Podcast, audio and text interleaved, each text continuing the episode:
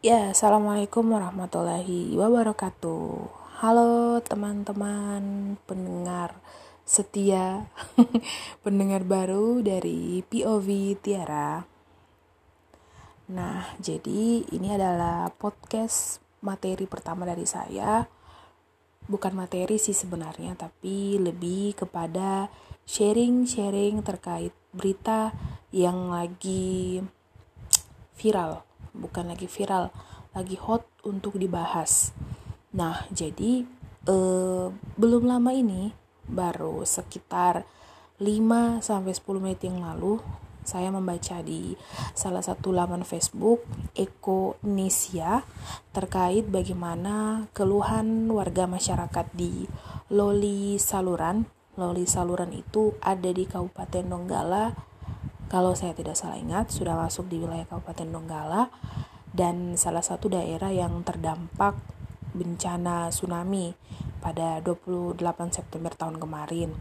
Nah, jadi beberapa dari warga di sana mengeluhkan bahwa uh, huntara yang mereka huni pertama daerah sekitarnya itu biasanya kekurangan air. Mereka harus pergi mencari air di daerah lain dan tidak ya kalau otomatis kalau pergi mencari berarti pemerintah yang menyediakan um, huntara beserta fasilitasnya tidak mem memfasilitasi secara maksimal. Nah, kemudian keluhan berikutnya adalah bahwa fasilitas eh, apa di huntara itu eh, suhu ruangan di dalam rumah huntara itu panas dan mereka setiap siang harus pergi ke belakang Huntara untuk sekedar uh, mendinginkan suhu badan. Artinya ya siapa sih yang uh, di dalam sebuah ruangan saya kurang tahu secara spesifik berapa kali berapa ukuran huntara tersebut dan setahu saya huntara tersebut tidak di atap plafon sehingga langsung panas yang diterima dari atap yang berbahan besi bukan besi sih aluminium uh, seperti seng aluminium dan lain sebagainya itu intinya atap seng lah. Itu uh, menyerap panas dan panasnya itu di uh, apa suhu panasnya itu hawanya masuk ke dalam rumah. Dan otomatis orang yang ada dalam rumah itu akan kepanasan. Apabila pakai kipas angin pun itu tetap akan merasa panas. Jadi seperti itu. Nah jadi ini suatu kemirisan bahwa eh, lagi-lagi pemerintah tidak maksimal dalam meriayah masyarakatnya. Nah, kita ketahui sendiri pemerintah siapa yang pilih? Utama, uh, utamanya dari pihak-pihak misalnya seperti bupati, wakil bupati, anggota-anggota dewan perwakilan rakyat, siapa yang memilih mereka untuk duduk di posisi mereka sekarang? Ya pasti masyarakat. Masa pada saat pesta demokrasi di awal mereka dipilih mereka eh, sangat mengagung-agungkan masyarakat sangat mengagung-agungkan rakyat. Tapi setelah terpilih malah mereka melupakan bagaimana masyarakat itu bisa hidup layak. Nah ini kan suatu pemikiran yang sangat aneh dari pemerintah kita saat ini. Nah jadi padahal masyarakat itu e, harus mendapatkan uh, hak-hak mereka gitu. Hak-hak kita. Kita kan saya juga masyarakat ya. Jadi harus mendapatkan hak-hak yang um, hak untuk hidup layak salah satunya. Ya kalau dibilang bersyukur tidak bersyukur saya rasa masyarakat yang tinggal di dae apa di area Huntara bersyukur mendapatkan hunian sementara dari pemerintah. Tetapi bersyukur di sini ya bukan hanya sebatas bersyukur. Kalau misalnya ya saya bersyukur sudah dapat rumah. Oke okay lah tapi uh, ada hal-hal lain yang tidak ditunjang begitu. Misalnya kenyamanan di dalam rumah. Ditambah lagi beberapa isu yang kemarin bukan se sepertinya bukan isu tapi dari salah satu uh, pihak pemberitaan itu menayangkan video dari hasil wawancara mereka bahwa memang di Huntara itu biasanya ada kasus misalnya uh, ada daerah Huntara yang anak-anak tinggal di situ akhirnya uh, terlibat hubungan-hubungan seks dengan uh, pasangan mereka di luar nikah dan itu dilakukan oleh anak-anak usia sekolah ditambah lagi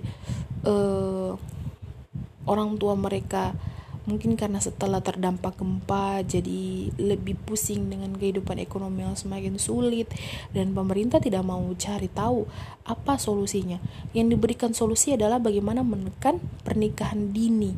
Padahal pernikahan dini terjadi pertama karena hubungan seks di luar nikah yang menyebabkan kehamilan dan itu tidak diketahui orang tua diketahui mungkin awalnya di indikasinya diketahui tapi tidak ditahu kalau sampai ke situ. Kedua eh, kelemahan ekonomi setelah pas ke gempa setelah gempa setelah pas ke gempa pas ke gempa yang akhirnya membuat orang tua berpikir bahwa kalau saya terus membiayai anak saya dengan kehidupan seperti ini ya pertama kasihan anak saya tidak terbiayai secara maksimal. Maka Pemerintah harus mencari tahu bagaimana cara mengentaskan dua masalah ini, bukan mengedukasi orang tua agar melarang anaknya menikah dini seperti itu. Jadi kasus-kasus di Huntara seperti ini ya harus bisa ditangani oleh pemerintah secara uh, secara konkret tidak parsial. Nah jadi bagaimana caranya supaya bisa menangani kasus ini secara uh, secara menyeluruh? Pertama pemerintah harus sadar bahwa tugas mereka sebagai seorang uh, pemerintah jadi pemimpin sebagai pemimpin adalah meriaya masyarakat.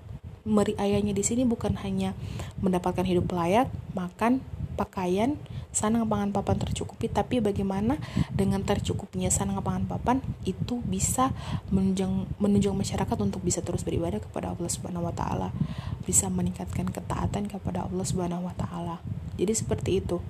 Pemerintah harus memikirkan itu dan memang itu adalah tugas pokok sebagai seorang pemerintah. Nah kedua eh, pemerintah harus mencari tahu akar masalahnya apa kenapa masyarakat ini jadi seperti ini? Pertama, ya sudah pasti karena tidak adanya pemahaman agama di ada pemahaman agama bukan pemahaman tapi pengetahuan karena pemahaman beda dengan pengetahuan. Jadi masyarakat hanya sekedar tahu agama tanpa memahami, menerapkan. Nah, jadi kita bisa lihat masyarakat saja tidak bisa menerapkan.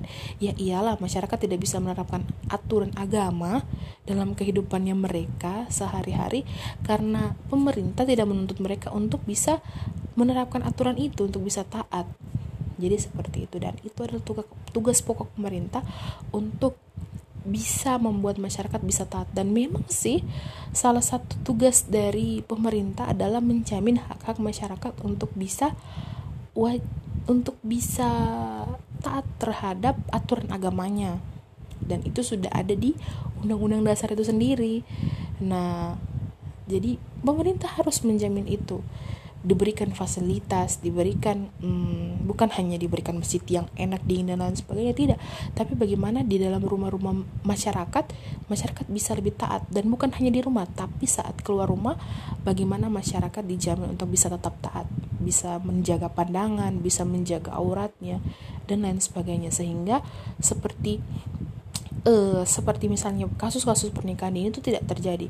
Kemudian bagaimana dengan pemahaman agama yang dimiliki oleh masyarakat khususnya kaum muslim akhirnya orang-orang yang misalnya lemah keadaan ekonominya bukan hanya ditunjang dengan nasihat-nasihat tapi pemerintah harus menanyakan apa kebutuhan yang dibutuhkan oleh mereka dan itu yang dipenuhi sehingga hal-hal tersebut tidak bisa terjadi selain daripada pemenuhan secara ruhani dan juga pemenuhan terhadap kebutuhan-kebutuhan dasar dari masyarakat itu sendiri.